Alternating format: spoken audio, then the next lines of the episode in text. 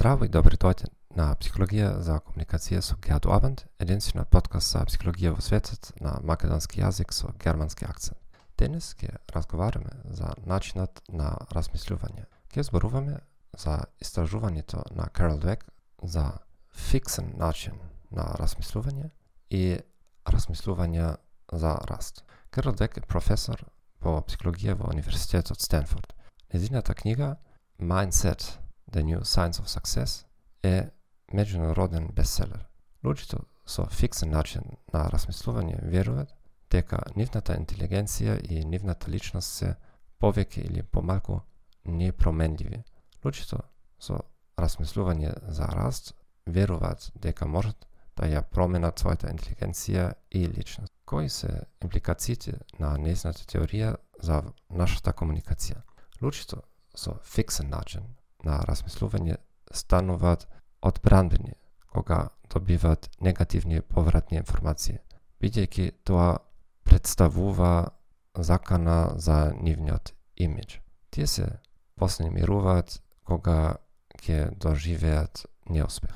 Тие ги обвинуваат околностите, глупави клиенти, супервизори или колеги, или нивниот недостаток на способност. Јас сум избегнуваат ситуации на учење бидејќи може да не успеат и да изгледаат глупаво. Во една студија на Универзитетот во Хонг Конг студентите во првата година со фиксен начин на размислување не сака да посетуваат курсови по англиски јазик, иако има недостатци на англиски јазик. Во исто време, англискиот јазик беше клучна компонента за нивниот успех на универзитетот, а подоцна и на професионален план. Работените со фиксен начин на размислување може да избегнат возможности за обука што ги нуди нивната компанија.